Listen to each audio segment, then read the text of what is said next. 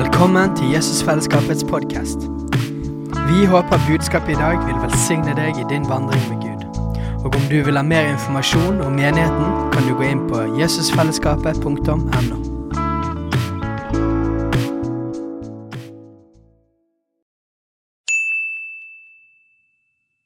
Hei!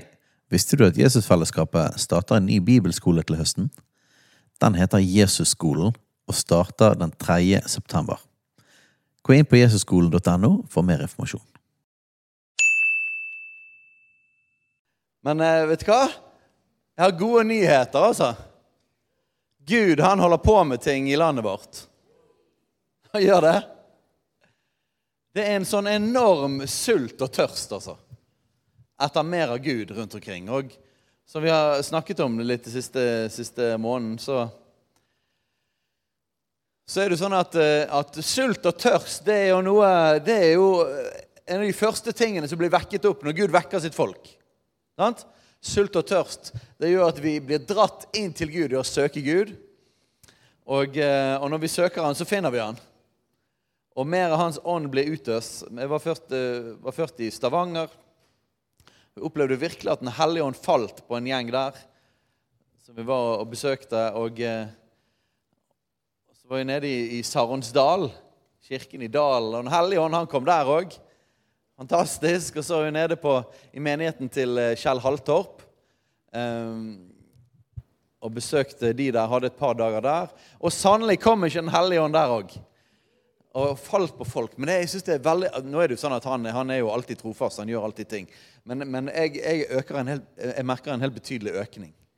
Økning av det Gud gjør. Og så fikk jeg jo faktisk eh, var en gjeng med, med, fra menigheten her som var menighet til Fitjar nå på torsdag kveld. Eh, så det var jo kjekt. Ellinor og Ottar og Toril og eh, Rebekka. Og eh, sannelig kom ikke en hellige ånd der òg. Masse sultne mennesker som bare lengter etter mer at Gud skal bevege seg. Og, eh, og når jeg var nede på Sørlandet, så hørte jeg rykter om at det var noe som skjedde på Vigeland. Og jeg var jo i nærheten der, da, et sted som heter Vanse. Eh, på Listerlandet. Og så, og så, gikk det rykter. Det, 'Har du hørt at det er vekkelse på Vigeland?' Nei, det har ikke jeg hørt, og jeg, ikke, jeg har aldri hørt om Vigeland heller. Og så, og så er det jo fantastisk uh, herlig gudfeldig vet du, at jeg var 30 minutter unna der. Og så hadde jeg ikke møte på, på lørdag kvelden, og da, det, og da, var det, en gjeng fra menigheten der som bare vi har tenkt å dra ned til Vigeland. Så da ble jeg med ned dit. Og vi måtte dra to timer før for å få plass. Og der var det rett og slett for noen uker siden, nå er det vel seks uker siden, så skulle det være en liten, det var et lite bedehus der med 15 stykker igjen, og det var tre gamle damer som ba, og det var liksom, de hadde møte en gang i måneden, og det skjedde ingenting, og de ba Gud, hjelp oss. Og så fikk de dette at de skulle invitere en fyr. Hva var det han het, Svein? Robert. Arthur Robert. Arthur var, ja, det var et gøy navn. Arthur Ro. En, en sangevangelist. Jeg tenkte det var en gammel eh, mann, men, eh, men, han visste seg. Han var jo på min alder. han var ikke så gammel. Og så kommer han, og fra første kveld der så kommer det bare masse folk. Litt sånn unaturlig. Hva i all verden er det så mange folk som kommer? Og, eh, og raskt så ble det stappfullt der i bedehuset. vet du. Og, eh, og så fortsetter de eh, helg etter helg. Dette er fra fredag til søndag. Eh, og Gud gjør ting. Folk blir helbredet, folk blir frelst, folk blir fylt av Den hellige ånd. Folk blir vekket. En sult så de snakker om, en, en enorm sult i folk. Og så begynner ryktene å gå, så begynner det å komme flere folk. Så når vi dro ned dit, dro ned dit var det femte helgen, og, og, og vi kom to timer før. Og så ble vi sendt videre for det lille bedehuset, for det var, det var stappfullt. Da var det ikke bare det at det sto som sild i tønne inne i rommet der, men det, da hadde det kvelden før stått sild i tønne inne på kjøkkenet og inne på alle steder, og det var høyttalere, og det var, liksom, det var, helt, det var umulig med flere folk. Man måtte jo ødelegge taket og fyret ned folk hvis det skulle bli plass til flere. Eh, så da flyttet de til Betania, et større lokale bare noen hundre meter derfra. Så de sendte oss videre der. Når vi kom opp de to timer før, var det allerede 50 mennesker der. Eh, en time før så var det over 200. Eh, og så ble det stappfullt. Og så var det så herlig, vet du, for de sang gamle bedehussanger. Mange sanger, Jeg er jo vokst opp på bedehuset, men jeg hadde ikke hørt de sangene engang. Og, eh, og, men det er så herlig, vet du, At det var simpelt. Det var ikke noe fancy, flashy. Og jeg elsker det at altså, uansett hva form, uansett hva sanger, så kom Gud. Det var mennesker som var sultne. Evangeliet ble forsynt, og Den hellige ånd kom. Og når Den hellige ånd er nær, da er det bare sånn at jeg synger hva sang som helst. Altså. Um, og så fikk jeg, fikk jeg høre vitnesbyrd. Det var en bønn- og vitnekveld. Masse folk som vitnet om hvordan Jesus hadde møtt dem. En, eh, var en fyr som eh, Han var litt gøy, da. Han, var, han hadde skadet hånden sin. Han hadde akkurat blitt frelst der. Og så, og så hadde han eh, smerter i hånden. Så jeg pleier å skyte med venstre hånd. Sånn. Så jeg hadde vondt i skytehånden min. Eh, og så tok han her evangelisten han, han tok og hilste på han. Og så hilste han på han, og så kom Guds kraft inn i hånda. Så ble han helbredet når de hilste, hilste på han. Um, og en jente som, som hadde hatt en, en, en, eh, ryggskade i mange mange år. og Hun var liksom i ungdomsarbeidet der. Hun, hun vitnet om at de har bedt for meg i tre år. Nesten hver eneste gang har de bedt, for meg, og ingenting har skjedd. Men i kveld så helbredet Jesus meg. Da står hun og gråter og forteller om det. Så Gud beveger seg. ikke det fantastisk? Og mens jeg var der og satt på kne der framme og, og, og, ba igjen Gud, la meg få tak i alt det du gjør her, og, og jobbe i hjertet mitt. Så hørte jeg Den hellige ånd si så tydelig og klart han sa at jeg åpner brønner av vekkelse over hele landet. Wow! Det syns jeg var oppmuntrende. Takk, Gud. Han åpner brønner av vekkelse over hele landet. Så dette her er ikke over i det hele tatt. Eh, det kommer til å komme mer og mer. Og så så jeg et kart, og så så jeg masse sånne små brønner over hele landet Norge. Amen? Så Gud er god, hæ? I dag jeg, jeg, jeg, Ikke alltid jeg følger like godt med på kalenderen. For jeg sa for to uker siden at neste søndag så skal jeg forkynne om evangelisten, og, sånt, og så hadde jeg glemt at jeg skulle jo vekk den helgen. Men nå er vi her. Og jeg, bare kjente fordi at Svein, Svein eh, på lørdag kveld på påskekonferansen. Eh, og, og, jeg bare kjente jeg hadde så lyst til å undervise ut fra Guds ord og forklare litt hva er det som skjer. Og forklare litt av det med evangelistens funksjon. Fordi at, eh, fordi at Gud gjør noe, og jeg er helt overbevist om at Gud kommer til å gjøre noe veldig spennende fremover. Eh, og jeg har lyst til at vi òg skal ha åpenbaring ut fra Guds ord på, til å forstå det som Gud gjør. Og det gjør det at Når vi har åpenbaring, så kan vi på en måte ta imot. Vi kan gjenkjenne. Og så kan vi backe og så kan vi klappe og så kan vi være med på å støtte det Gud gjør. Ok? Så jeg tror det var i, tror det var i fjor, fjor rett etter nyttår, så, så forkynte flere, mange søndager der, om eh, det å være en apostolisk menighet. Og eh, det er masse forskjellige ting det innebærer. Men, men eh, en av de viktige, sentrale tingene med å være en apostolisk menighet Vi snakket om Jerusalem, Antiokia, Efesus. Sånne steder av trening og utrustning og sending. Og En av de sentrale tingene med apostoliske menigheter det er rett og slett at, at det er rom for alle tjenestegavene. At det er rom for apostler, det er rom for profeter, det er rom for evangelister, det er rom for hyrder, det er rom for lærere. Og at, at disse gavene som Gud har gitt til sin menighet, at de får lov til å virke sammen i team, og det i neste rekke gjør at Guds folk blir reist opp. At Guds folk får lov til å blomstre og få komme ut i det som Gud har tenkt for oss. Eh, I vårt fulle potensial. Eh, at legeme sant? Bibelen snakker om at menigheten er som en kropp, et legeme med mange forskjellige kroppsdeler. Og, og når tjenestegavene jobber sammen og er på plass, så kommer kroppsdelene av resten av kroppen på plass. Og det er utrolig viktig, fordi at, eh, fordi at menigheten er nemlig verdens håp. Det er sånn at Gud har, en, Gud har en plan om å berøre verden, at evangeliet om Guds rike skal komme ut over hele verden. Og de han bruker til det, er sine folk, sin menighet. Hele gjengen, hele kroppen, hele flokken. Så for at verden skal få møte Jesus, så trenger Guds menighet å være satt i stand. Og for at Guds menighet skal være satt i stand, trenger vi tjenestegavene på plass. Så det er sånn det er. Vi, jeg tror på det sånn at Hvis vi holder oss til Guds ordninger, så får vi oppleve det som var Guds hensikt. Vi får oppleve Guds velsignelse og favør. Er ikke det kjekt? Så Ok, oss, la, vi, vi, må jo bare alltid ta det verset der, da, bare for å, for å freshe opp igjen. Hva er dette med tjenestegavene? Efeserne 4,11. Der står det en del vers som sier litt om det. Det blir jo beskrevet gjennom evangeliene, gjennom apostles gjerninger. Så blir det jo beskrevet uh, At det er noe som heter da, apostler, og noen som blir kalt profeter, og noen som blir kalt evangelister osv. Men Det står ikke så mye om dem. Men du kan se i apostelens gjerninger og evangeliene så kan man se likevel disse folkene i funksjon. Og ut av det så kan man også se noe av hva Guds hensikt med det Men her står det veldig sånn eksplisitt oppsummert. Efeserne 4,11.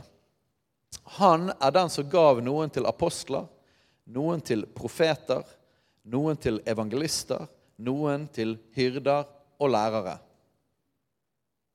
For at de hellige Hvem er de hellige?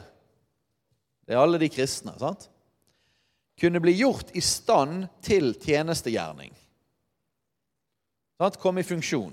Gjort i stand til tjenestegjerning. Til oppbyggelse av Kristi legeme. Til å bygge og oppbygge legeme, altså Guds menighet, alle de kristne. Til kroppsbygging, rett og slett. Bodybuilding. Hvor lenge skal dette her foregå?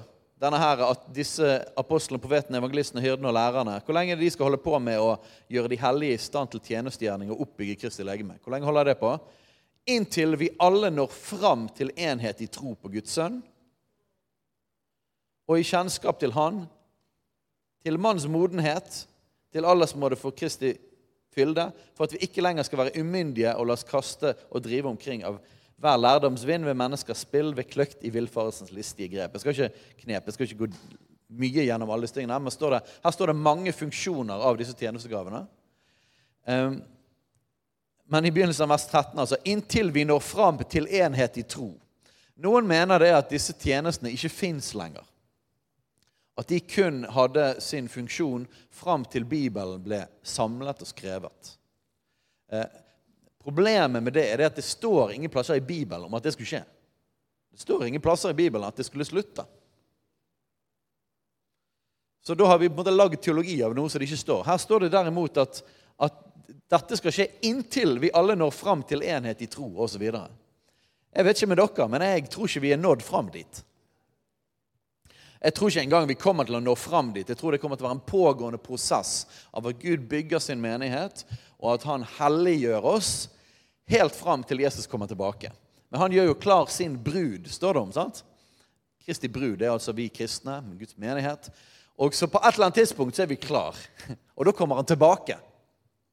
Men det står ingenting om at det skulle skje helt til Bibelen ble skrevet, og så skulle det slutte. De, og Som oftest betyr dette, for de aller fleste tror at det fins en lærertjeneste, de aller eh, fleste tror at det fins en hyrdetjeneste. Ordet pastor står jo ikke i Bibelen. Pastor betyr hyrde. Sant? Det kan du merke hvis du, hvis du, skal, hvis du skal, kjøpe kebab i, i Mexico. For der er den mest vanlige Nei, ikke kebab, jeg, sa, jeg, mente, jeg mente taco. Hvis du skal kjøpe taco i eh, Mexico, så er det mest vanlige tacoen det er al pastor. El pastor. Det betyr, det, det handler rett og slett om hyrde. Og det kommer fra at de ja, Jeg skal ikke ta hele historien. Jeg er jo litt matinteressert.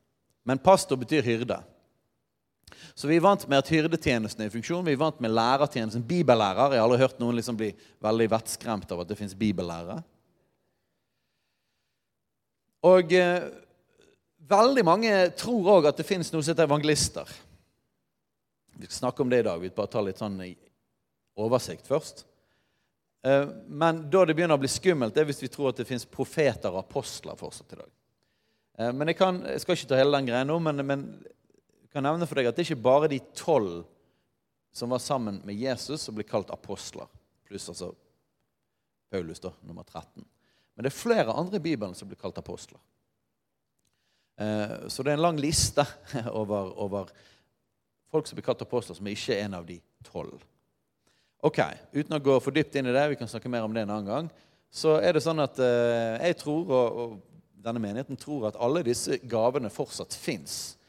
eh, og i, i, er høyst levende og er viktig å ha en funksjon for Guds menighet og videre da for verden. Så Dette gjelder fortsatt i dag. Og Noe av det viktigste i forhold til apostler, aposteltjenesten, er å, å sørge for at hele dette her teamet blir satt i stand og får plass og får rom. Eh, og, og, å hjelpe dem å fungere sammen, for det er ikke alltid lett. Gud har jo Er det noen som er gift her inne? Ja. ja. Det er noe som heter mann og kvinne. Har du hørt om det? Mann og kvinne er jo skapt forskjellig, men i Guds bilde. Og så er det sånn at eh, det noen ganger kan være litt utfordrende å leve sammen. Pga. forskjelligheten. Men Gud elsker forskjellighet. Gud elsker dette her med denne bredden og variasjonen. Sant? Og Hele skaperverket hans er sånn. Han skaper masse forskjellig. Så han skaper forskjellig, men så ønsker han enhet. Ok? Og For at man skal kunne ha enhet når man er forskjellig, da må man anerkjenne det at det er Guds vilje at vi er forskjellige. Sant? Han ville det sånn. Det var godt. Og så må vi forstå at det er Guds vilje at han vil at vi skal være ett. Og hva trengs da? Da trengs kjærlighet. Og kjærlighet er å legge ned sitt liv. Sant? Og bøye seg og løfte opp andre. Så for at, for at disse her tjenestegavene skal fungere sammen, og videre da for at hele Guds menighet med alle kroppsdelene skal fungere sammen, så trenger vi kjærlighet. Vi trenger en, Den hellige ånd som skaper enhet. Åndens enhet. sant? For det er én Herre, det er Jesus. Det er én ånd, det er Den hellige ånd. Og vi er alle sammen barn av den samme far. Så vi er søsken. Ok? Men jeg tror det at disse gavene fortsatt fins. Og og så er det sånn med, Jeg har hatt et spesielt hjerte for profeter og evangelister. så Derfor hadde vi profetkonferanse. For at vi ønsker å løfte opp profettjenesten i landet vårt. Og vi ønsker, å, vi ønsker å, at det skal være velkomment, at det skal være, være åpent for de òg i vår menighet. Eh, jeg fikk et ord om at, at, at, at, vi skal få være et hjem for profeter i landet vårt. Eh, og jeg synes Det var fantastisk når vi hadde profetkonferansen. og, Vi kommer til å se masse vokse fram ut av de tingene der. Men så har jeg også veldig hjerte for evangelister. For profeter og evangelister er de som har blitt, som blitt eh, liksom skubbet mest ut. Og måtte holde på mest på egen hånd. Og ikke blitt anerkjent i Guds menighet. Eh, og, og, begge de to eh, har jo noen kjennetegn av at de kan være veldig radikale. Og tydelige og utfordrende. Og, og, veldig ofte så har menigheter vært ledet av, av hyrder. Hyrder en, har en ufattelig viktig funksjon til å, til å skape relasjoner, til å skape trygghet, til å skape hjem. Sant? Eh, så hyrdene er kjempeviktig. Men hyrdene kan ofte ha det litt utfordrende med, med evangelister og profeter. Det er en sånn utfordring, da, med, for hyrder er jo, er jo utrustet til å, til å, passe på sauene. sant? Veldig glad i sauene. Og, eh, og, de har fått hyrdestav, vet du. Og de er veldig greie med sauene, men de kan bli veldig eh, Hvis de ser noen ulver, da våkner jo hyrdene. Sant? Og da, da, kan de bli veldig tøffe og konfronterende. Men det fins én utfordring. det er det at, Sånn som jeg opplever det, så er det sånn at når, når ikke alle disse tjenestegavene har fått virke sammen, og vi ikke har en åpenbaring på dette som vi snakker om nå, så, så når hyrden fungerer i sin, sin gave, akkurat som Gud har tenkt det, men ikke fungerer sammen med apostler og profeter, så har man tendensen til å tro at evangelister og profeter er ulver. Så ulvealarmen går hos hyrdene. Dette er farlige folk som kommer for, for å ødelegge for sauene. Eh, og, og, så, og, så, avviser de ofte evangelistene. Og så får ikke de rom i menigheten. Eh, og Det fører til at mange evangelister har måttet virke på, på utsiden. Vært trofast med det de er kalt til, men ikke har fått virkelig rom sånn som det har vært tenkt designet fra Guds side. For jeg tror det at eh, vi skal få jobbe sammen i et arbeid om å bre ut Guds rike. Med gjensidig anerkjennelse. Og jeg tror at den lokale menighet, den lokale menighet skal ha rom og plass for alle disse gavene. Så dette har vært på mitt hjerte i mange år. Vi har jo hatt annet sånn evangelist, eh, nasjonale evangelistsamlinger og sånne ting. og Jeg har hatt masse med evangelister å gjøre, og unge folk spesielt, som, som får lov til å reise opp. Og Vi har hatt herlig mange unge folk, sånn evangelistspirer hos oss. Men jeg har hatt en bønn i mange år. Det er at Gud, jeg ber, for jeg tror på dette her, at det er så viktig. Eh, så Gud, jeg ber om at du skal sende oss en evangelist som ikke bare sånn ung og lovende, som jeg får lov til å være med og, og backe og støtte, men noen som virkelig måte, har vært i dette kallet i lenge, og jeg på en måte virkelig er i den tjenesten. Og skal få lov til å stå sammen med dem. Det har jeg bedt om i mange år. Det har vært i mitt hjerte. Og så gikk jeg her i rommet og ba. Nå husker jeg ikke, Var det fjor sommer? Var løp, noe sånt? Så gikk jeg og ba her. Ba til Gud. Ikke spesielt når jeg er med evangelister, men bare ba Gud gripe inn. Og sånn. Og så plutselig så så jeg Det er veldig rart. Man kan nesten huske hvor man var. Jeg var rundt omkring, omtrent bak der. den gangen. Og så plutselig fikk jeg se et syn. Jeg fikk se en haug med folk mange mennesker som møtte Jesus. Mange mennesker som ble frelst. Jeg så folk som ble helbredet til sånne mirakler. Så demoner som ble kastet ut. Jeg så masse folk bli døpt. Masse folk bli døpt. Og så så jeg Svein Nordvik stå her og tale. og det var ikke jeg liksom forberedt på. Så jeg skrev en melding til Svein. Så vi må prate sammen. Uh, og vi hadde hatt litt kontakt før det. Men så pratet vi sammen, og, og, jeg tror ikke det er bare fra min side. Jeg skal høre fra Svein etterpå, Men jeg opplevde det at det ble en hjertekobling. At det var noe som Gud ville her.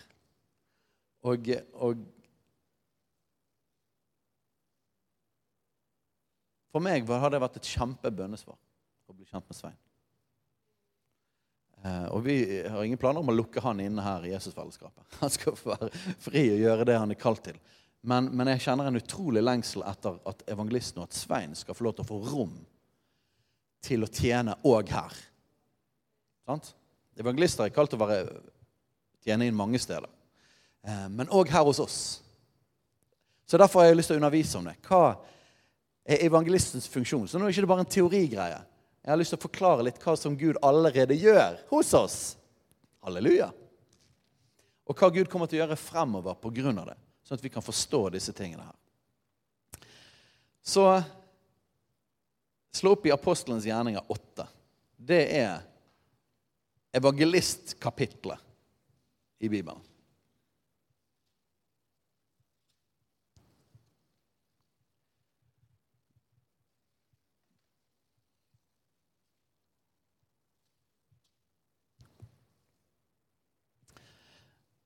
Vi kan ta fra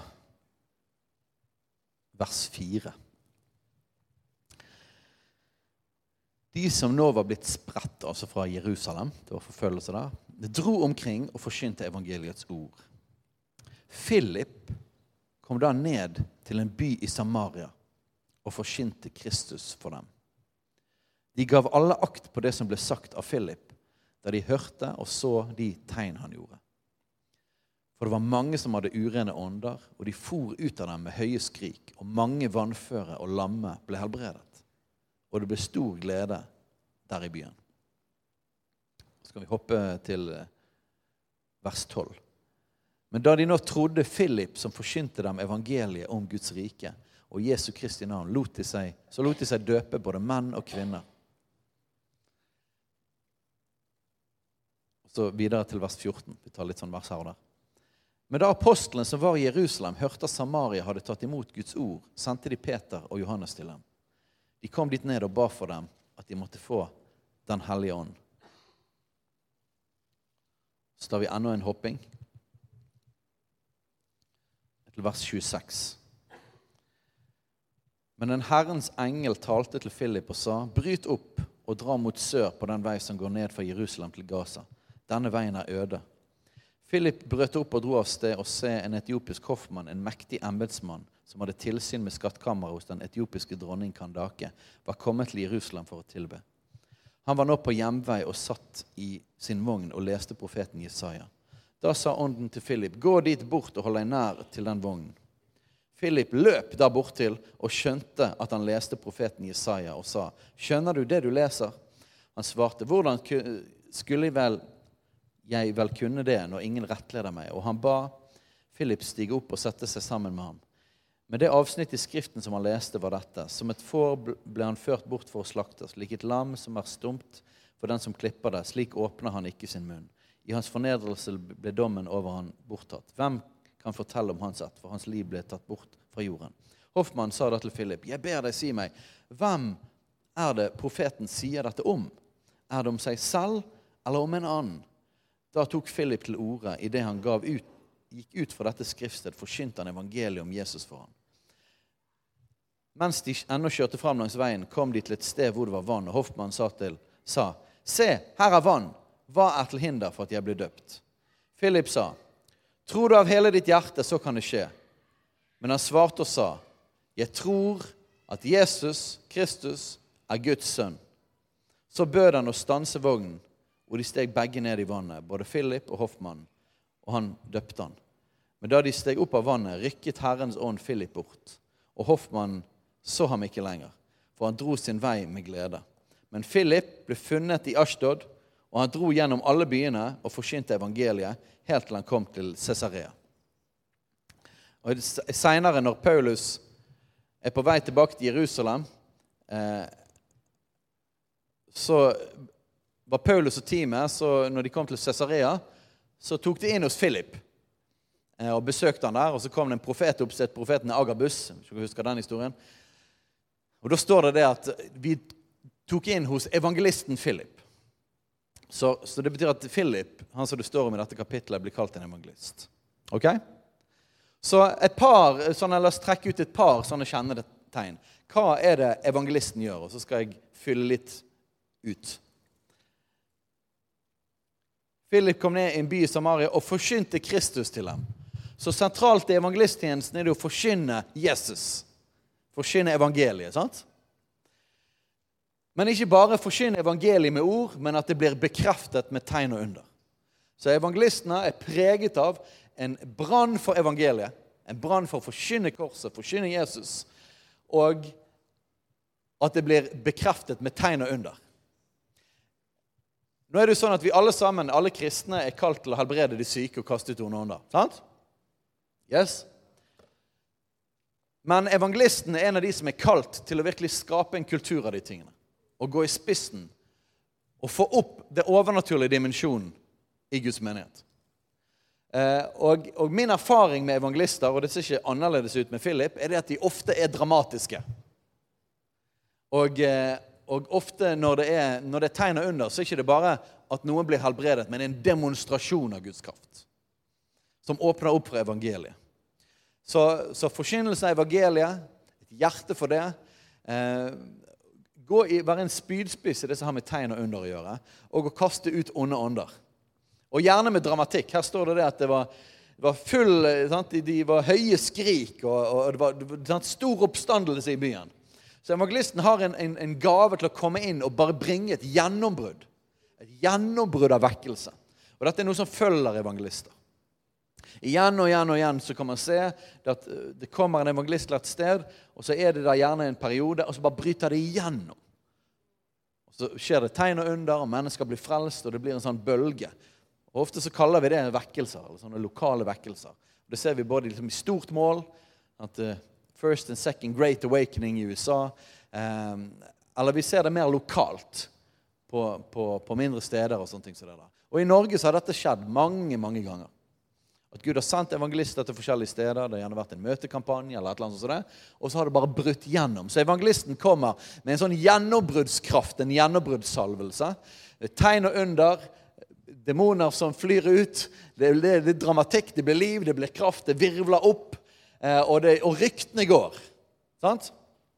Og evangelistene har en sånn gave til å sette bygder og byer liksom, i brann. Og, eh, og, så står dette her at han, at han at han døpte, døpte folk, de som ble frelst. Og så er det òg interessant å se at når apostlene som var i Jerusalem, hørte at dette hadde skjedd, så tenkte de ikke Hvem er han her eh, Philip? Har tydeligvis blitt sånn stor på seg sjøl. Eh, jeg vet ikke helt. Jeg er litt skeptisk til dette. Nei, de, tenkte, de, de, dro med en gang opp der for å backe og for å støtte. Og som vi ser seinere, så ser vi at, at Gud sjøl kalte Philip vekk fra det som skjedde i Samaria. Det kom en engel og sa, 'Gå ut inn en øde vei'. Sant? Og når han hadde forkynt evangeliet, for evangelistene har òg en spesiell gave og utrustning til å gå inn og, og forkynne evangeliet for enkeltpersoner. Og Ofte så ser man det med evangelister. Og nok en gang, vi er alle kalt til å være vitner. Men jeg ser med evangelister det at det, bare, det skjer bare automatisk rundt dem. Det, det er helt utrolig hvordan man bare blir ledet til ufrelste mennesker som er åpne for evangeliet.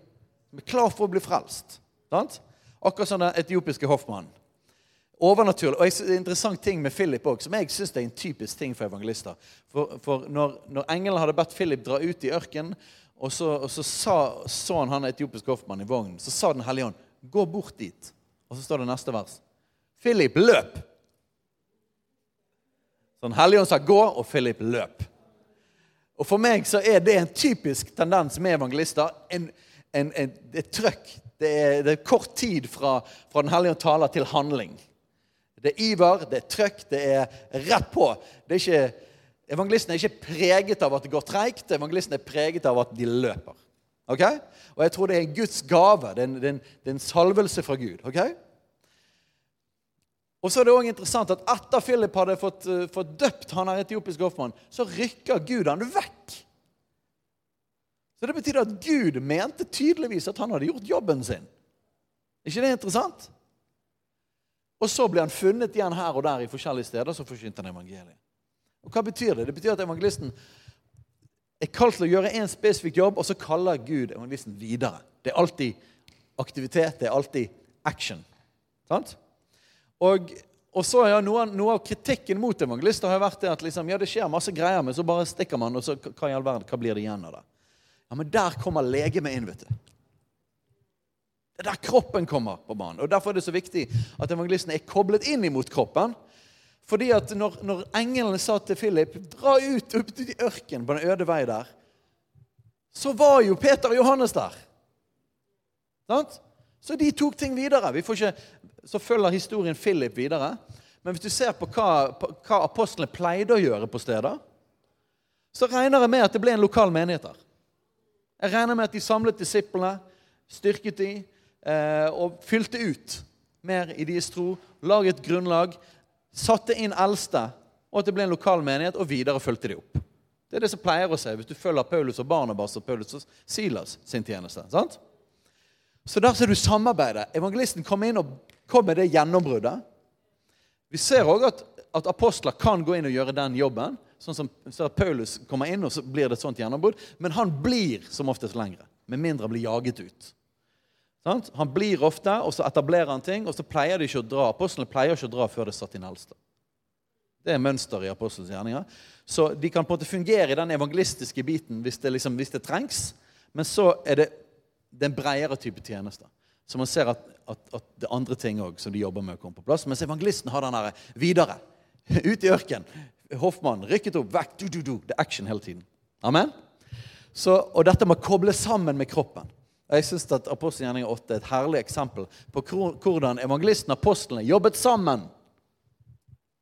Og at det ikke ble sånn at alle disse nyfrelste i Samaria bare liksom ble overlatt til seg sjøl, men at det var andre som tok seg av det. Er ikke det herlig? Så evangelisten trenger de andre gavene og trenger menigheten. Og menigheten trenger evangelisten. Jeg tror faktisk det at om vi ikke har evangelisten, så vil det gå dramatisk utover vår effektivitet i å nå ut med evangeliet. Så vi trenger evangelisten. La oss ta en liten liste på noen ting, og så skal Svein òg få slippe fram. Vi leste fra Efesene 4,11 at, at tjenestegavene er kalt til å utruste de hellige. Sant? Så hva utruster evangelisten med? Nei, det er jo sånn at Man utruster med det den nåde man har blitt fått, fått av Gud. Sant? Så det er ikke sånn at evangelisten sjøl er en som forkynner evangeliet, helbreder syke, sånn, og så skal den ut, utruste hovedsakelig på et helt annet område. Det gir jo ikke mening. Nei, evangelisten skal utruste med den nåden han har fått. Så det er en kombinasjon av at, at de, de, gjør det sjøl. Det skjer sjøl. Forkynner evangeliet, folk blir helbredet, leder mennesker til Jesus. Og de har fått en nåde av Gud til det. Men i utrustningen av menigheten så kommer de med nettopp disse tingene her. Så de utruster kroppen til å vinne mennesker for Jesus. ikke det fantastisk? Og det skjer gjennom undervisning, det skjer gjennom levd eksempel. Men jeg synes, Og det er en del av det. Men jeg syns det mest fascinerende med dette er, er at det skjer kanskje vel så mye bare gjennom at de er anerkjent. Og ved at de er anerkjent og koblet i kroppen, så skjer det noe i åndsatmosfæren. Det rett og slett gjør at dette begynner å flyte. For Gud har lagd noen rammer. Han har lagd en struktur for dette. Og Hvis evangelisten får lov til å ha sin anerkjente plass, så vil den nåden og den salvelsen flyte ned over resten av kroppen. Og Jeg mener faktisk at det skjer til og med automatisk. Nå er det viktig at evangelisten òg får undervise, får forkynne, betjene helt praktisk. Men jeg tror at det, dette er en åndelig lov som gjør at den nåden kommer over oss. For vi er skapt til å være avhengige av hverandre. Du kan si at ja, vi vil gjerne ha mennesker frelst, men vi vil ikke ha evangelistene. Vel, det er sånn Gud har valgt å bygge sin kropp. At vi er avhengige av hverandre, den nåde Gud har gitt oss. Og da blir vi smittet. Så det er en sånn smitteeffekt òg i utrustningen. Og så, så, øker det en tro. Jeg merker det når jeg er med Svein. Jeg en, merker en økt tro på at mennesker blir frelst. Jeg merket òg når, når Anne Skagen har vært hos oss. Har dere merket det? Det er ikke som at eh, liksom, Du får bare et løftet liksom, blikk og bare Oi, høsten er moden. Jeg tror, at folk, jeg tror at jeg kan nå ut med evangeliet. Sant? Det er en impartation, en meddelelse av en tro av den nåde man har fått av Gud. Fantastisk, er ikke det? Det forløser tro. Evangelisten òg har en gjennombruddskraft til å bare bryte igjennom der det er tungt, der det er kraftig. Alle er jo kalt til å be. sant? Men evangelistene har en spesiell sånn gjennombruddskraft i bønn. Eh,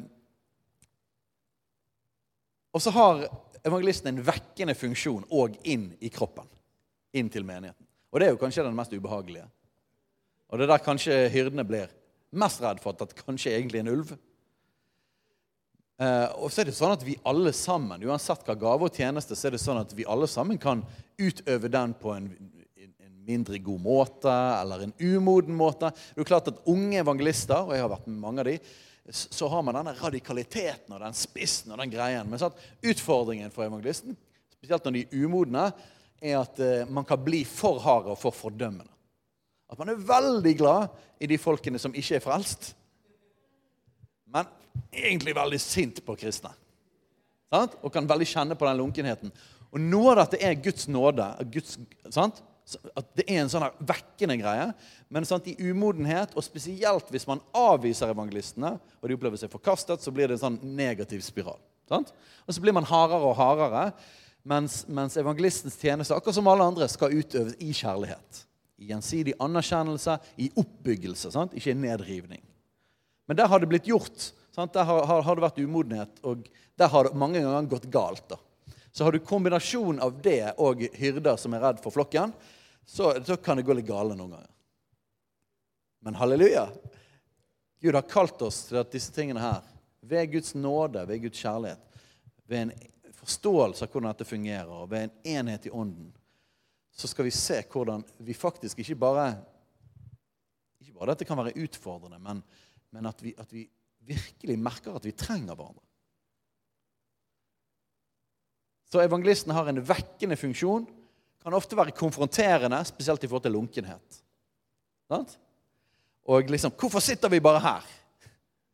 Vi trenger å komme oss ut. Og det er nåde fra Gud. Og så må vi lære å ta imot de forskjellige tingene.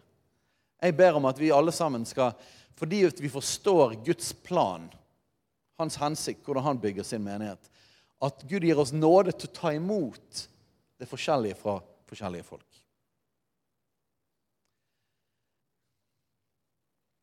Evangelisten kommer òg og skaper en nød for de fortapte. Det gjør at vi, man ikke blir tilfreds. Når evangelistene får være i funksjon, er ikke vi tilfreds med å bare være oss sjøl. Og at uh, her kan vi gjemme oss inne til Jesus kommer igjen. Men oppdraget om at evangeliet må ut, blir tydelig og klart for oss. Amen?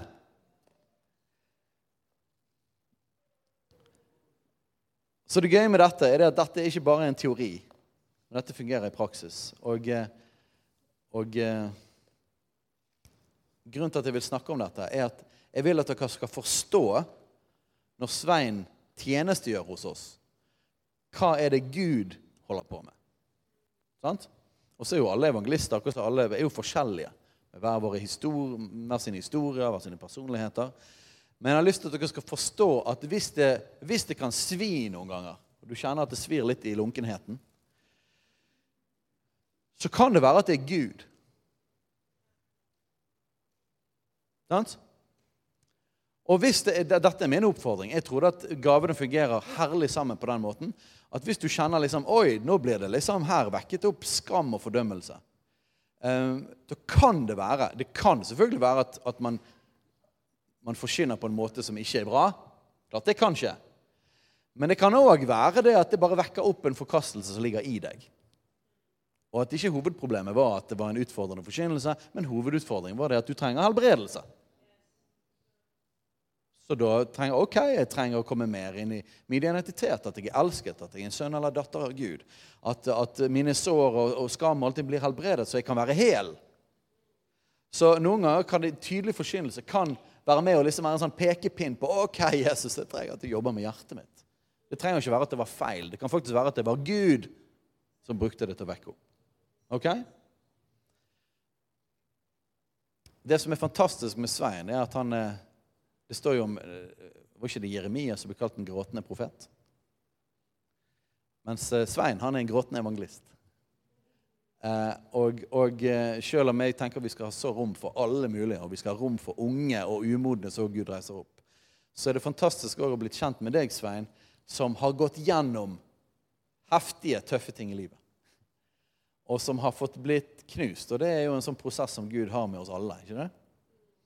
Og vi alle sammen får gå gjennom tøffe ting, eh, og så former Gud vårt hjerte. Men, men Svein, jeg kan anbefale ham på det varmeste. For han, han er en knust mann som er preget av kjærlighet. Kjærlighet til Jesus. Eh, Yes. Så Svein, før du deler noe, kan ikke du bare stå her? Så har jeg lyst til at vi skal be for deg. Og Det er veldig viktig for meg, for jeg vet at evangelistens gave er litt sånn her eh, Det, er viktig for meg når, når vi åpner opp for Svein her, at, at ikke han kjenner seg bundet og fanget i noe. For det vet jeg at evangelister ikke liker. At det liksom plutselig Jeff blir et fengsel. eller sånt. Det er ikke tanken. Men jeg har lyst til å løfte opp og anerkjenne. For det det, dette er Guds design. Så, så jeg har lyst til å be for deg, Svein. Jeg takker Gud, takker deg, Gud, for denne mannen som du har reist opp i dette landet. Som du har brukt over hele landet, Herre. Takk for alle menneskene som har blitt har møtt deg, Jesus, gjennom Svein, gjennom han har forkynt evangeliet. Takk for alle mirakler. Takk for alle som er blitt satt fri fra onde ånder. Takk for at han har utrustet din kropp, Herre. Og jeg takker deg for at du i din nåde har sendt han i kontakt med oss. Og jeg har lyst til det som, som leder. Jeg vet at jeg har hele lederskapet bak meg, og hele menigheten bak meg. Så vil jeg bare erklære at vi vil ta imot deg, Svein. Og vi vil ta imot den nåde Gud har gitt deg.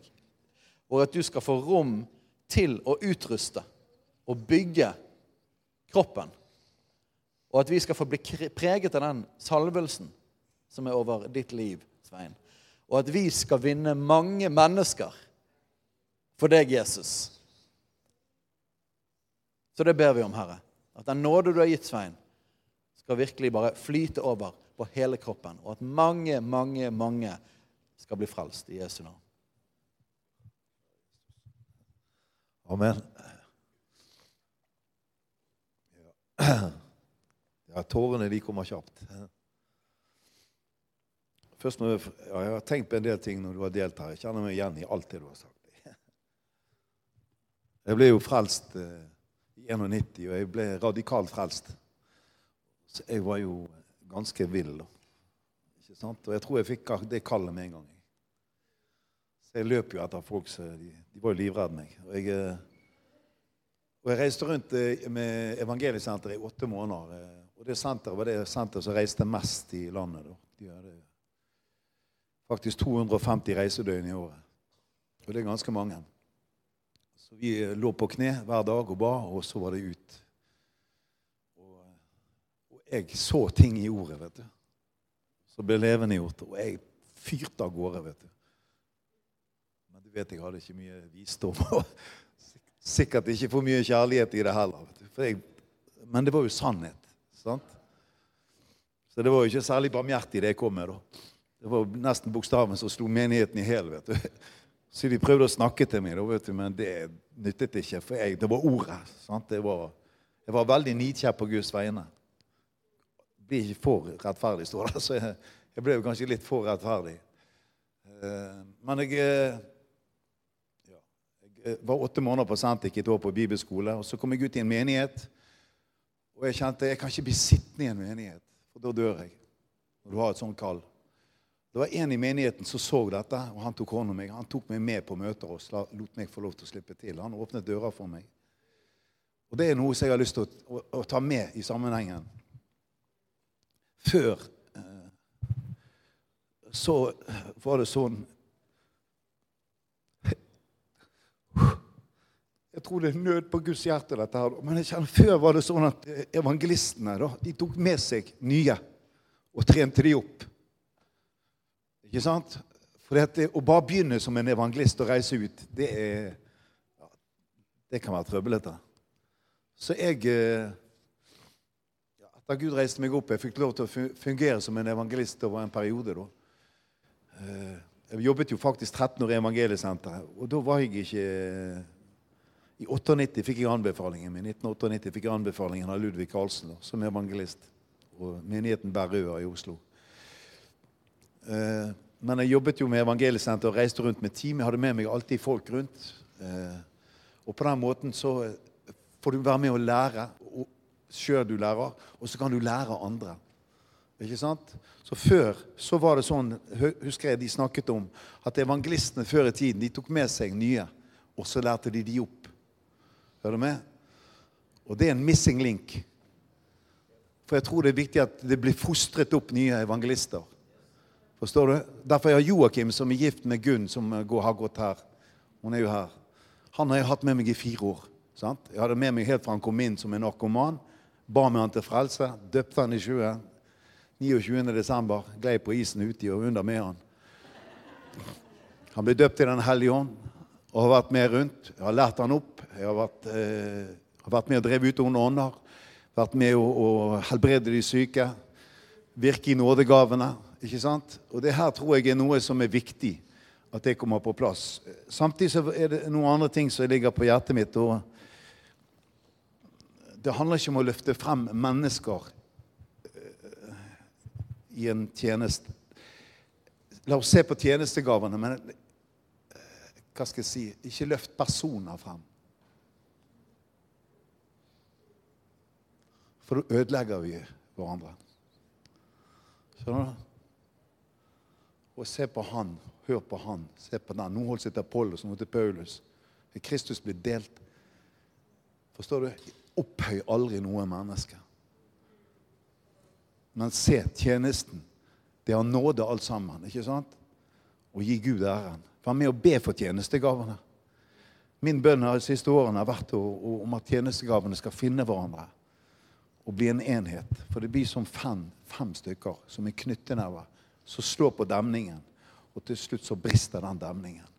Og så kommer vannet og vekkelsen. Og som Bibelen sier, som du var inne på her, det kommer aldri til å bli en vekkelse, ordentlig vekkelse hvis ikke alt dette er på plass.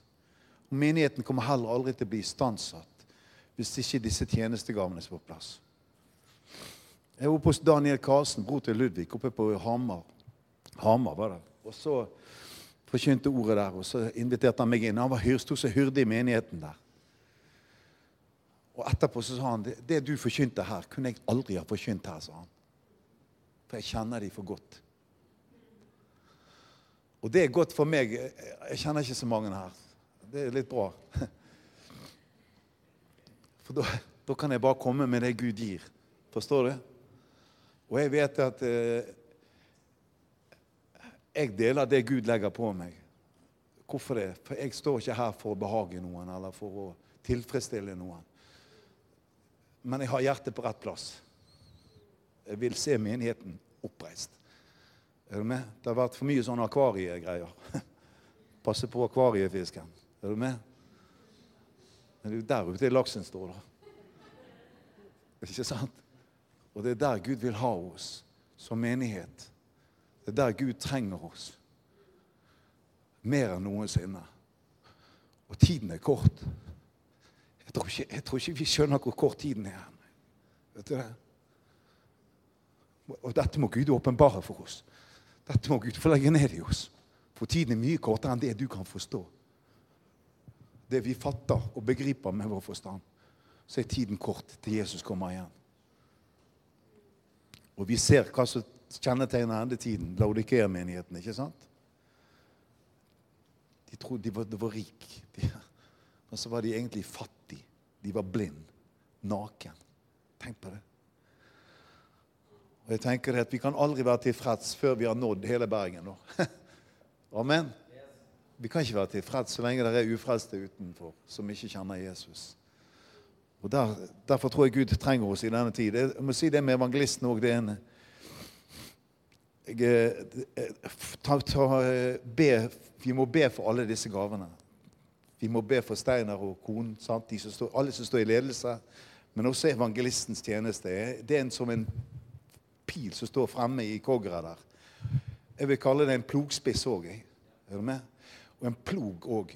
Jeg, tror det er et, jeg, tror, jeg tror det er et Guds ord må gå dypere inn i oss jeg, i denne tiden her. Det nytter ikke med en plog rett under marken. For idet du, du ploger opp det, så bare detter det tilbake inn i samme sporet. Ikke sant? Så plogen må trykkes enda lenger ned. Og når du da går med plogen, så velter han det på rygg. Stemmer det? Da blir det en omvendelse. Ja. Og så får Guds såkorn få lov til å havne i god jord, sånn at det blir frukt som varer. Og det jeg kjenner, jeg det kjenner jeg på det at det, derfor er evangelisten òg uredd. Jeg, ikke, jeg, bryr meg ikke om mennesker sånn eh, Heldigvis. Ikke misforstå meg. Jeg har respekt for mennesker.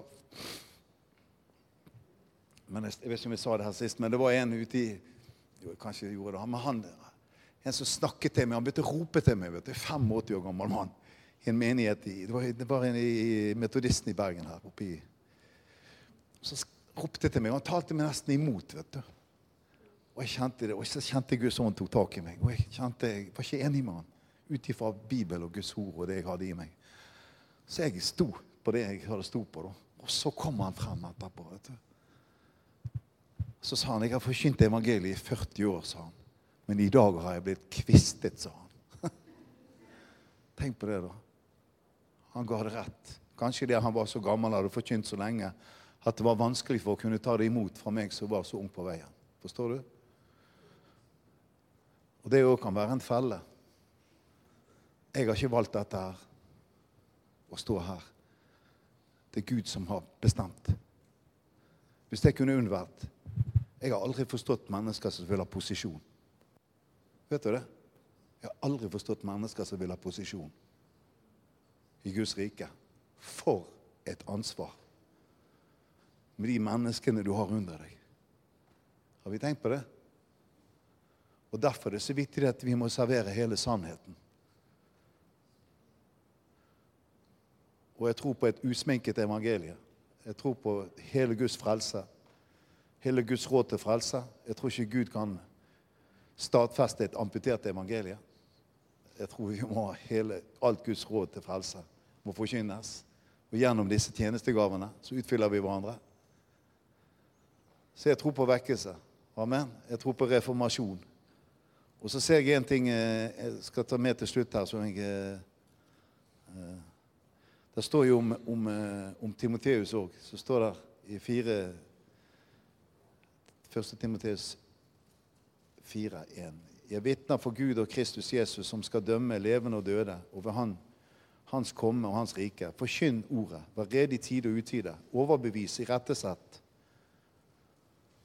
Og trøst med all tålmodighet og lære. For det skal komme en tid da de ikke skal bli, tåle den sunne lære men etter sine egne lyster skal de ta seg lære i mengdevis, ettersom det klør i øret på dem. Og de skal vende øret bort fra sannheten og vende seg til eventyr. Men vær du edru i alle ting. Lid ondt. Gjør en evangelistgjerning. Fullfør din tjeneste. Lid du ondt. Ja, det har en lidelse med seg. Det kan jeg òg skrive under på. Jeg har lagt netter i angst hele natten i angst. Men 43 stykker ble frelst dagen etterpå. Jeg har stått i åndskamp, men jeg har sett mennesker bli befridd. Jeg har sett også i møtesammenhenger Jeg kunne sagt mye. Ett menneske. Vær, vær ikke kritisk til det Gud gjør i dag, og til hvem han utvalger seg til å gjøre tingene.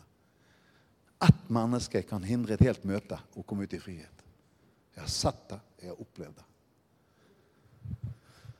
Det var oppe på Møre. Der satt en eldre mann. Han satt på første benk. Og ba Den hellige ånd bare viste meg han stenger hele møtet. Han binder hele møtet. Jeg bare så på han. Og jeg sa det rett ut. Du sitter her og stenger av hele møtet. Og det var en sånn åndskamp inni der. Til slutt så reiste han seg, og så gikk han ut døren. Når han gikk ut døren, så falt ånden. Det er sant. Folk lå strødd å komme og bli helbredet. Ja. Og min bønn oh, jeg, har, vært med på møte der. Jeg sto i vekkelse borte i Drangedal her. Og så skulle, skulle Jan Berg tale. Bror til Terje Berg. Han var forstander i Philadelphia Arendal. Jeg husker Sølvi Johannes Engeli, noen gamle pinsehøvding, var der i møte. Så kom han til meg først når han kom, og jeg hadde møte. da. Så spurte han meg hvor mange blir frelst i kveld. da, sa han. Eller driver du med vedlikeholdsarbeid? Jøss, tenkte jeg. Tre stykker blir frelst i kveld, sa jeg. Og tre stykker blir frelst. Men i det møtet så tok det av med vitnesbyrd. Derfor tror jeg på frihet i møtet. Amen. Vi må, vi må, vi må tenke nytt at Gud vil uforutsigbare møter òg i den tiden vi går inn i. Der vi som ledere mister kontroll. Der Den hellige ånd er i kontroll. Amen. Og jeg har vært med på det. Og det er sterkt. Og da husker jeg jeg satt nede der. og Jeg liksom var jo leder for dette senteret. Og smekkfull sal. Og folk spratt opp som bensinkanner. Og sånn sånn burde det være blant oss. At vi satt som bensinkanner hele gjengen. Tent i brann. Og folk spratt opp og vitnet. Og så tenkte jeg nå må jeg gå frem. og Han må jo slippe til. Og så går jeg frem, og så bare kjenner Helligånd stopper meg. Du kan ikke. Stopp. Det er meg som har møte. Så bare sa jeg vet du, jeg kan ikke slippe dere til. Jeg. For det er Den hellige ånd som har møte, og de bare gliste og nikket. Skjønner du? Så jeg måtte bare sette meg ned igjen. Det var Den hellige ånd som tok over møtet. Og husker Johannes Engeli han sa det, og hun, de sa Sølvi de har ikke opplevd sånne møter siden hun var liten jente, sa hun. Hører du med? Så de eldre kjenner igjen de tonene. De kjenner igjen den ånden. Skjønner du? Og Vi må ha Den hellige ånd som får frihet. Der Guds ånd får råde, der er det frihet. Amen. Så det å slippe tøylene og la Den hellige ånd få slippe løs Amen. Det er det jeg vil, håper jeg vi kan få lov til å få se en del ut av her. da. Amen. Så jeg har bare lyst til å be en bønn her nå til slutt. Hei, alle sammen. Det er Katrine og Steinar Lofnes her. Vi er hovedledere for Jesusfellesskapet. Så kjekt du har lyttet til denne podkasten. Har du forresten hørt noen av de andre podkastene våre? Ukens tale, Disippelskolen, Hyrdepodden, Kulturkrigen og Mammas hjerte. Du finner disse podkastene på Spotify, Apple Podkaster og på nettsiden vår jesusfellesskapet.no.